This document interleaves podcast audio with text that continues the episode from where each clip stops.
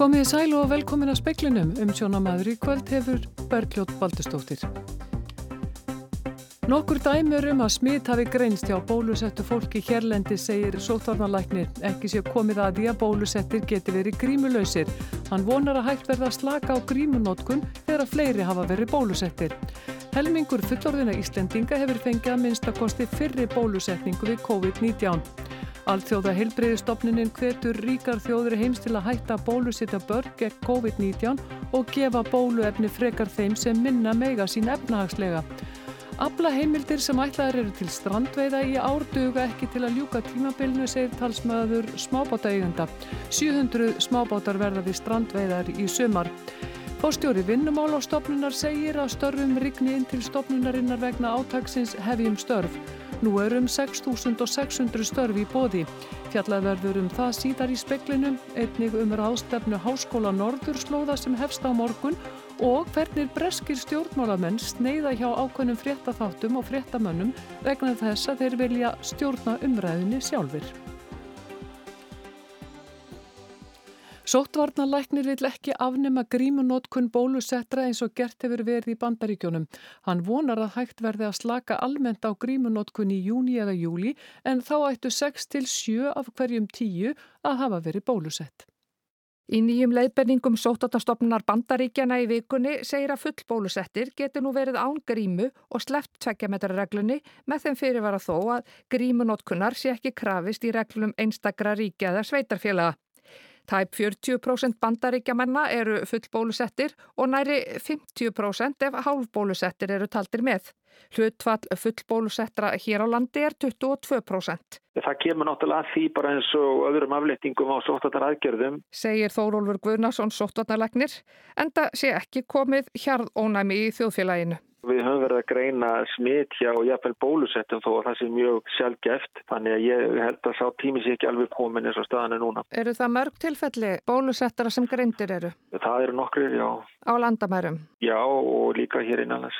Þótt allir skilji mikilvægi þess að bera grímu þá eru lögst margir ornir þreyttir á því. Þórólfur segir grímu skildu vera eitt af mörgu sem þurfi að aflétta. Tilslaganir verður þó gerðar í áfengum.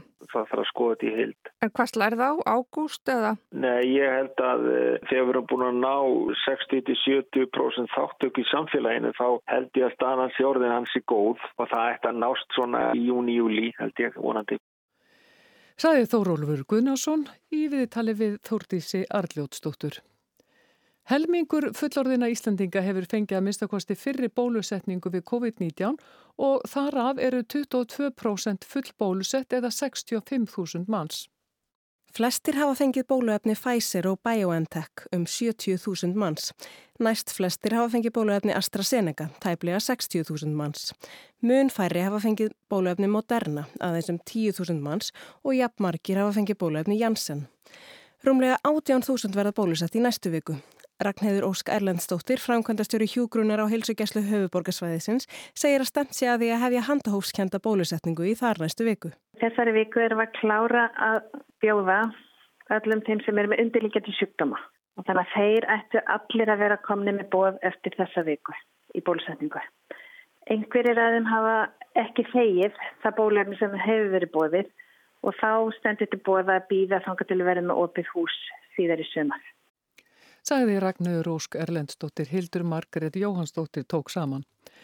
Næri 18.000 skamtar af bólefni Pfizer, Moderna og Janssen verða til reyðu í næstu viku. Þrýr bólusetningadagar verða í lögadagsöllinni, Moderna á mánudag, Pfizer á þriðjudag og Janssen á fymtudag. Auk þess kom bóluefni frá AstraZeneca til landsins í gær og önnur sending er væntanlega á fymtudaginn. Þeir sem bóðaðir verða í lögadagsöllina eru að koma í setnisbröytu eða konur yngre en 55 ára í áhættu hópum. Þá verður haldið áfram að bólusetja starfsfólk leik og grunnskóla og einnig fá jæðarhópar flugmenn og áhafnir skipa spröytu.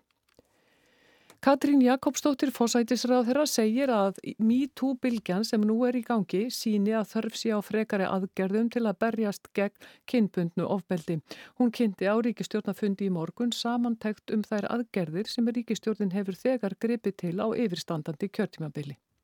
Ríkistjórn Katrínar Jakobsdóttur tók við valdatömanum í november 2017 þegar fyrsta MeToo-bylgjan náði hámarki hér á landi. Þetta stendur yfir svona önnur MeToo-bylgja, eh, svo fyrri stóði yfir 2017 þegar þessi ríkistjórn tók við.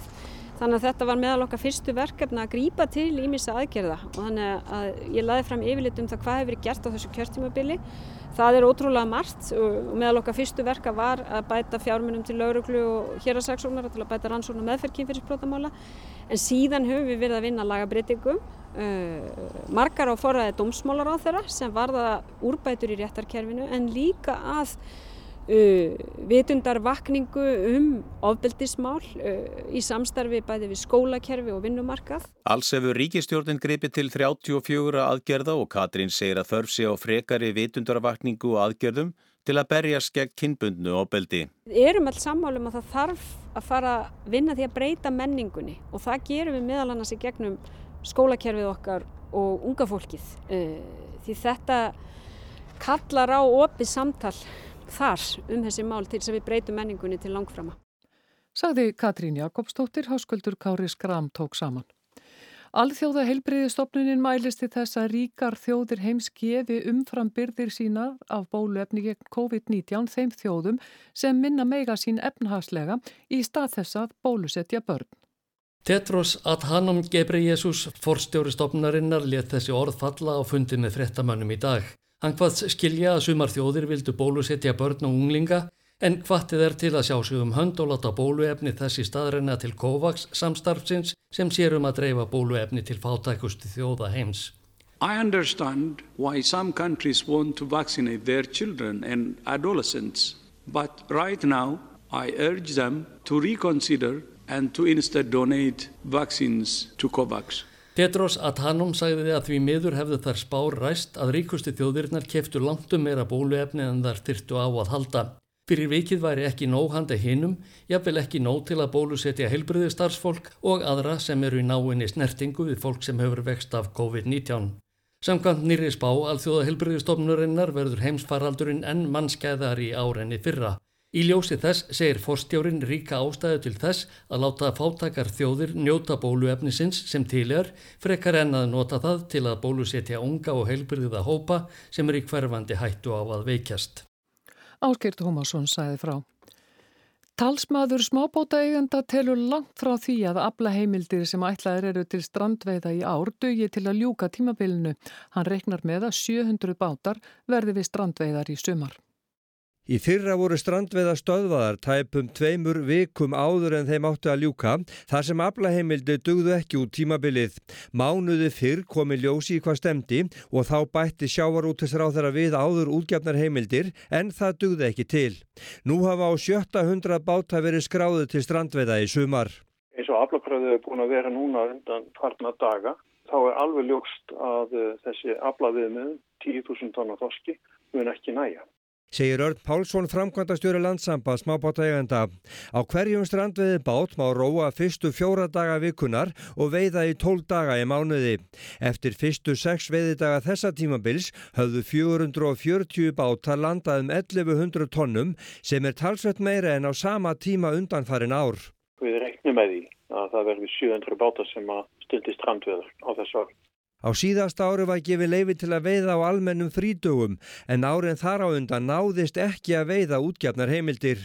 Nú þegar sérst í hvað stefnir hefur þessi heimild verið dreyin tilbaka.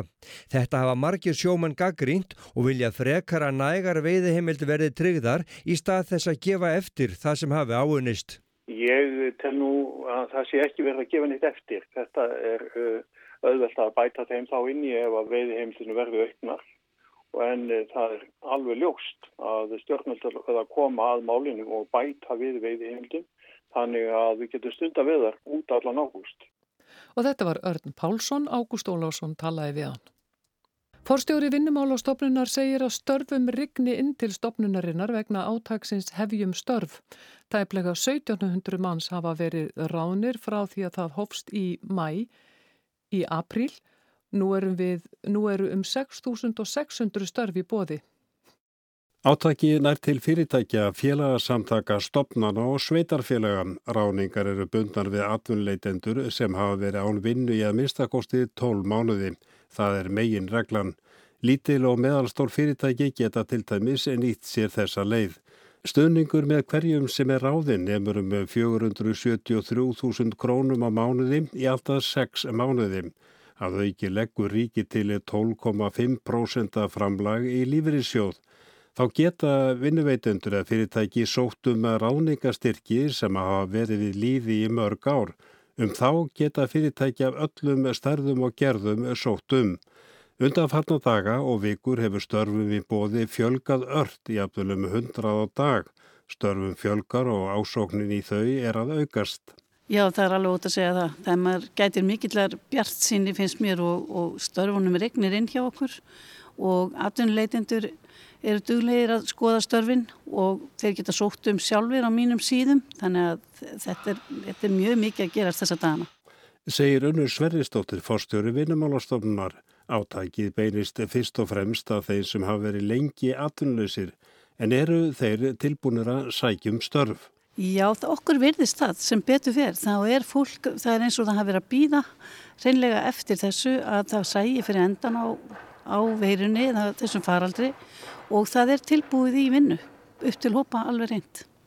En þú segir að það er að fara inn á sína síður, já hvernig ber fólk sín ákvæmlega að? Það getur á mínum síðum hjá öllum atvinnuleitendum byrtast öll störfin sem að koma inn í þessu átaki hefur störf og þar er hægt að fylgjast með dag frá degi nýjum störfin sem, bara, sem koma inn á hverjum einasta degi, fylgjast með, skoða og svo er að sækja um líka í gegnum mínar síður. Geta atvinnuleitendur sótt um sjálfur störf sem er líst vel á. Greiði þið líka götu atvinnuleitenda eða sjá þeir bara um að sækja um eða sækja þau um störf fyrir þá? Þetta er nú allur gangur á þessu. Við að, margir atvinnureikundur óska eftir liðsinni og byggja okkur um að svona, hvað maður segir, skanna hópin og eru með ákveðnar ákveðin, ákveðin sagt, þekkingu sem þeir vilja fá í ákveðin störf og byggja okkur að leita því. Það er náttúrulega að gera við það. En síðan er það eins og ég sagði, geta atvinnuleitendur sótt um sjálfur og svo nippu við líka í fólk. Við minnum á ef við sjáum að einhverjir er ekkert að skoða og eru ekkert að, að fylgjast með og kannski þá nippu við og í fólkið og aðtöfum hvernig stendur á þessu hvort fólk sé ekki öruglega í atvinnuleit eins og allir eiga að vera sem eru að fá greittar atvinnuleysist tryggingar. Atvinnu veitendur, fyrirtæki, sveitafélur, stopnarnir og félagsamtök, eru þau að, getur við sett að að svona þegar núna er aðeins farið að byrta til það styrta aðeins í álinn eftir að þetta átak var kynn en núna þegar byrtið, er byrjað að byrta aftur til að ásóknin eða frambóð á störfum hafa aukist talsveit mikið við það. Já, alveg gríðarlega. Er, þetta fer fram úr okkar björnstustu vonum. Það er hvers, hvað þessi störf er að skila sér rætt inn og það hlýtur að vera merkið um mikla bjart síni sem, sem ríkir núna í atvinnulífinu. Það virðist eins og allt sé einhvern veginn að skrýða, skrýða á stað og bara fara frekar rætt á stað eða nú kannski frekar orðaða þannig. Það er á brattan að sækja átæki sem er tímabundu og gildir til ásloka gerir ráð fyrir að styrki verði veittir vegna 7000 starfa. Almennt atvinnleysi mingaðum 1% stigi í síðasta mánuði og maldist 10,4%. Unnur vonast til að fjölgun starfa núna muni slá að atvinnleysið á sömar mánuðum og síðan er það reynslan okkar af þessu úræði eða sem sagt svona úræði að veita styrk með fólki inn í störn að allt upp í 70-75% þeirra sem fara í svona úræði koma ekki tilbaka og þó fá ekki greitar atvinnlýstryggingar að 6 mánuður loknum. Annarkvort þá fá þeir framhaldsráningu í sama starf eða þeir finna sér annar starf á miðan. Þannig að ég bind mikla voni við að þetta muni jafnvel slá líka á atvinnlýsti framtíðar. Og þetta var unnur Sverrisdóttir, Arnar Páll Haugsson talaði við hana.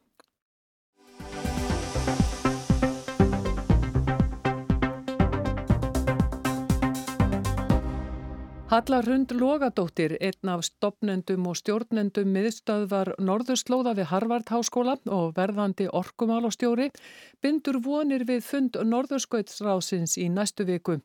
Miklar breytingar eigi sér nú stað á norðurslóðum og leggja þurfi áherslu á lofslagsmálin á komandi árum. Ráðstefna Háskóla Norðurslóða hefst á morgun og stendur fram að þriðjudag. Að henni lókinni hittast ráðherrar aðildaríkja Norðurskautsrásins. Hallarhund er eina frummælendunum á ráðstefnu háskólana og stýrir þar einnig umræðum um plastmengun. Hraðarlofstafsbreytingar eru hér á norðurslóðum og Halla hefur meðal annars unnið við að kortekja þær breytingar. Já eins og segir þá eru norðurslóður að breytast rætt. Þetta er svæði sem er að hlýna í rauninni þrísar til fimmsunum hraðar heldur en aðri staðir heimsins og því fylgja margskunar áskorunir sem að einmitt þarf að kortleggja. Hluti því, af því er það sem við þekkjum, breytingar á veðufari, breytingar á jöklum, Við erum líka að sjá uh, áhrif, mikil áhrif á hafið. Svo erum við að sjá þætti eins og það að uh, það eru nýjar siglingarleðir að opnast sem að tengja Evrópu og Asju saman á algjörlega nýjan hátt. Og mun, uh, þeirri þróun munu fylgja nýtækifæri sem að tengjast meðal annars viðskiptum en einning ymsar áskornir sem tengjast meðal annars öryggismálum og þá kannski víðu samhengi því að við erum líka að sjá umhverfis áskorunir með aukinni traffík á svæðinu. Samvinna skipti gífurlega miklu máli á norðurslóðum því áskoranirnar séu af því tægi að ekki dugar að takast á við þær hver í sínu horni. Málin verði ekki leist nema með því að vinna saman. Mikil umræða hefur verið um plastmengun hér á landi og víða um heim og hefur almenningur verið kvattur til að fara út að plokka, sapna saman plastumbúðum, setja í endurvinnslu og svo framvegis. Samt sem áður virðist ekki draga úr notkun plastumbúða. Getur verið að framlegslu fyrirtæki og aðrir séu ekki að spila með? Það hefur vissulega verið þannig að það er meiri og meiri eh, áhersla hjá fyrirtækjum á að leita annara leiða en að nota plast. Þannig að, að heimurinn er ekki fullkomin eins og neyri í dag en hann er vonandi á réttri leið. Og kannski við horfum á þetta nýja strategiska plan sem að, að íslenska formenskan í Norðskutsræðinu og og uh, hinn Norðskvöldsríkin eru að ræða í næstu viku að þá er það gott dæmi um margskonar uh, leiðir sem að er búið að taka þarna saman sem að varða allt frá því hvernig við verðum að skilja plastáskoruna betur í gegnum rannsóknir í það hvernig við, hvernig yðnaður og nýsköpun þurfum að koma hér inn og allt yfir því það hvernig við þurfum að, að stuðla að hreinsunar átökum öðru. Þannig að þú hefur rétt fyrir með það að það þarf að gera miklu miklu betur. Um, annars værum við ekki að setja fókus á, á þetta mikilvæga málumni. En stendur þá til að koma með eftir þessa fundi, eh, rástefnuna og þessa fundi, um, um, plan eitthvað um þetta? Já, eitt af því sem að uh, formanskan hefur lagt ásla á er að uh, leiða þróun uh, í rauninni fyrsta plansin sem að beinir sjónum sem að því hvernig hægt er að leysa þessa áskröun og það sem ég get sagt að hefur verið engar áhugavert að því að við höfum, eh, semst við harfar tekið þáttið því ferli, er að sjá hversu margir hafa komið að því borði. Þar hefur yðnar komið að, þar hafa alþjóðsamtök komið að, þar hafa for, eh, eh, semst, þeir sem að, að snúa þessu vandamáli frá ólíkum áttum komið að borðinu. Þannig að, að ég vonast þess að leiðirnar sem að verða laðar fram séu fjölbreyttar og, og þar með árangursríkar til að ná uh, árangri á þessum málasvið. Ráðherrar ætla að hittast núna í næstu viku, ráðherrar, norðurslóðar ráðherrar. Eh, hvað heldur þú að gerist þar? Menna bindur þú vonir við þann fund? Það eru auðvitað stór frétt í sjálfu sér að, að, að, að þessir auðryggisráður að séu að mæta hingað og það séu verið að ræða mörg mikilvæg málefni sem tengjast norðurslóðum málefni hafsins verða eitt af stóru málunum og ég vona og bind vona við það að það, það verði góðar frettir framöndan hvað það varðar. Um, ég held ef við horfum á uh, svona áherslur einstakra ríka að þá eru þetta spennandi bara við tökum sem dæmi bandaríkinn. Uh, bandaríkinn hafa núna verið að leggja gríðala mikla áherslu á loftlasmál með nýri stjórn, með bætinstjórninni sem að er til dæla nýtekin við eins og við þekkjum. Og uh, segja má þeir hafa lagt áherslu, mikla áherslu það að, að uh, breyta uh, sínum innviðum, grænvæða sitt samfélag sem verður í forgrunni hjá þeim næstu árin og á sama tíma eru bandaríkin að setja loftlasmálinn og uh, í algjört uh, ég segja aðalsæti þegar kemur líka auðverkismálunum hjá sér og það eru auðvitað mjög góða fréttir fyrir heiminn allan og skapar íminn samstastækifæri á því sviði. En það er mjög stutt síðan að þeir voru bara á öðrum stað. Uh, er hægt að ná árangri uh, á stuttum tíma í þessu? Ma maður kannski hugsaður að því að búið að tala og tala og tala og það er alltaf verið að tala. Er, er það að gera nóg mikið?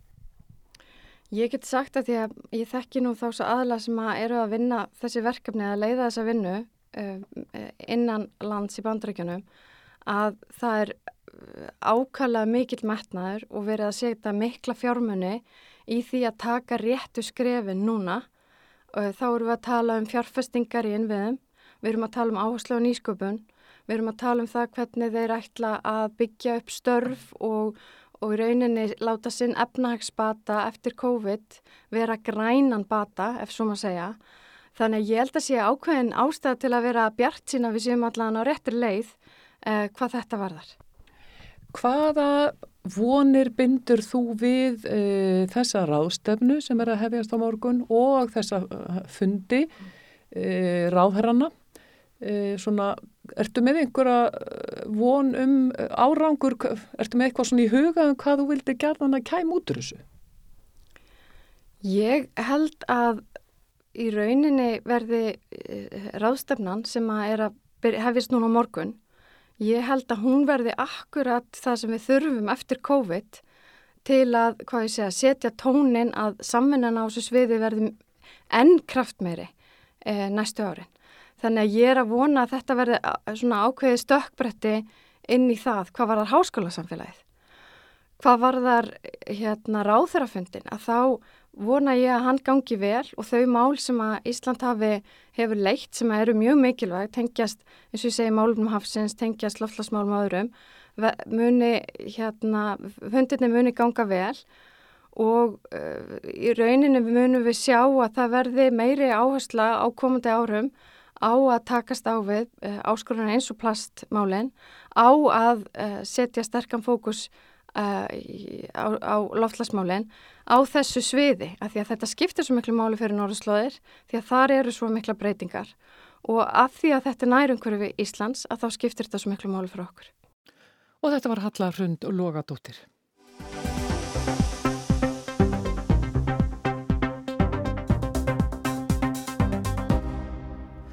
Breskir stjórnmálamenn sneiða hjá ákveðnum fréttaþáttum á fréttamönnum vegna þess að þeir vilja sjálfur stýra hvernig boðskapnum er komið á framfæri.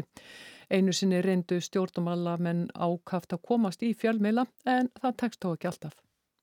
Hér áður fyrr heyrðist oft frá stjórnmálamönnum að hann eða hún var ekki sátt við valið á þeim sem fjölmiðlum þóknaðist að tala við, ekkert mikilvægara en að komast í viðtöl við stóra fjölmila hér í Breitlandi helstu breska ríkisútarpið BBC og allt gekk út á undirbúning en ekki lengur. Helstu stjórnmálamenn koma helst ekki fram nema þeirra lið geti örglega stýrt framvindunni. Breska stjórnin gengur langt í þessari viðleitni. Ráþerrar sneiða markvist hjá ákveðnum þáttum ákveðnum frettamönnum. Þegar pólitísk efni eru tekið til umræðu í ljósvakamiðlum er við hvað því oft að leitað hafi verið eftir viðmælanda úr ríkistjórninni en engin verið viðláttinn. Sama hver er hér í stjórn þá gerist það almennt að stjórnaflokknum finnst fljótt um fjölluninn ósangjörn. Tony Blair og nýji verkamannaflokkur hans segruðu ótvírætt í kostningunum 1997 eftir 18 ára valdatíma ríkistjórnar íhalsflokksins. Blair enda hærður þegar hann ávarpaði flokksmenn í bítið, notaði dagrenninguna sem myndmál alveg undursamlegt. Broken,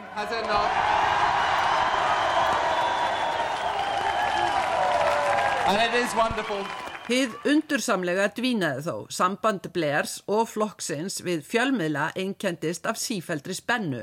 Fyrst af því flokkurinn taldi fjölmiðlamaskínuna bresku sér ansnúna eigendur stæstu fjölmiðlana deilt ekki hugssjónum verkamannaflokksins. Svo var það Írakstríðið sem flekkaði orstýr Blairs.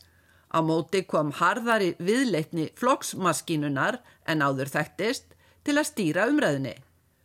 Sömari 2007, skömmu áður en hann leta af embætti, gerði Tony Blair fjölmiðla að umræðuefni. Hann treyði vissulega einlæglega á tjáningarfrelsi. Engin vildi viðurkjanna hvaða færi gríðarlega mikil orka og tími í að eiga við fjölmiðla en þannig væri það. Í æmark slungnari fjölmiðlaflóru þyrti sífælt sterkari orð til að ná aðtikli. Allt er þið svart eða hvít og raunveruleikin væri meira í gráu. Sama í nótkun tungumálsins allt annarkvort sigur eða hörmung. Vandamál er þið kreppa, gaggrinni að harðri árás, sæði Blair. Fátt breyst síðan nema harkan heldur aukist í viðleitni stóru flokkana til að stýra umræðinni. Þó merkilega algengt að þaulrendum stjórnmálamörnum verði svarafátt þrátt fyrir mikla ræfingar. Jeremy Corbyn fyrir um leðtói verkamannaflokksins var frægur fyrir að ná til ungs fólks í innblásnum ræðum á fjöldasamkomum. Það mátti heyra á Glastonbury tónlistarháttíðinni 2017. Let us be together and recognize another world is possible if we come together. Saman getum við breytt heiminum, sæði Korbin við gríðarlegar undirtæktir. Korbin var hins vegar ábyrjandi oft argur út í fjölmjölafólk. Haustið 2016 vildu fréttamenn til dæmis vita hvort Korbin yrði ánaður ef Theresa May þáverandi fórsætsráðura emdi til kostninga. Korbin sæði við samstarfsfólk sitt að þau skildu fara fram, það væri verið að áreita þau.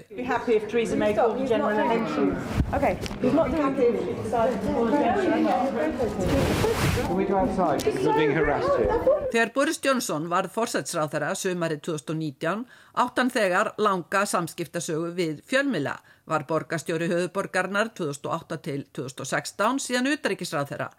Hann hafði fyrir sið að tala í hálkæringi var því sjálfnast tekin alvarlega. Í viðtali 2013 spurði fréttamaður BBC Johnson um heilindi.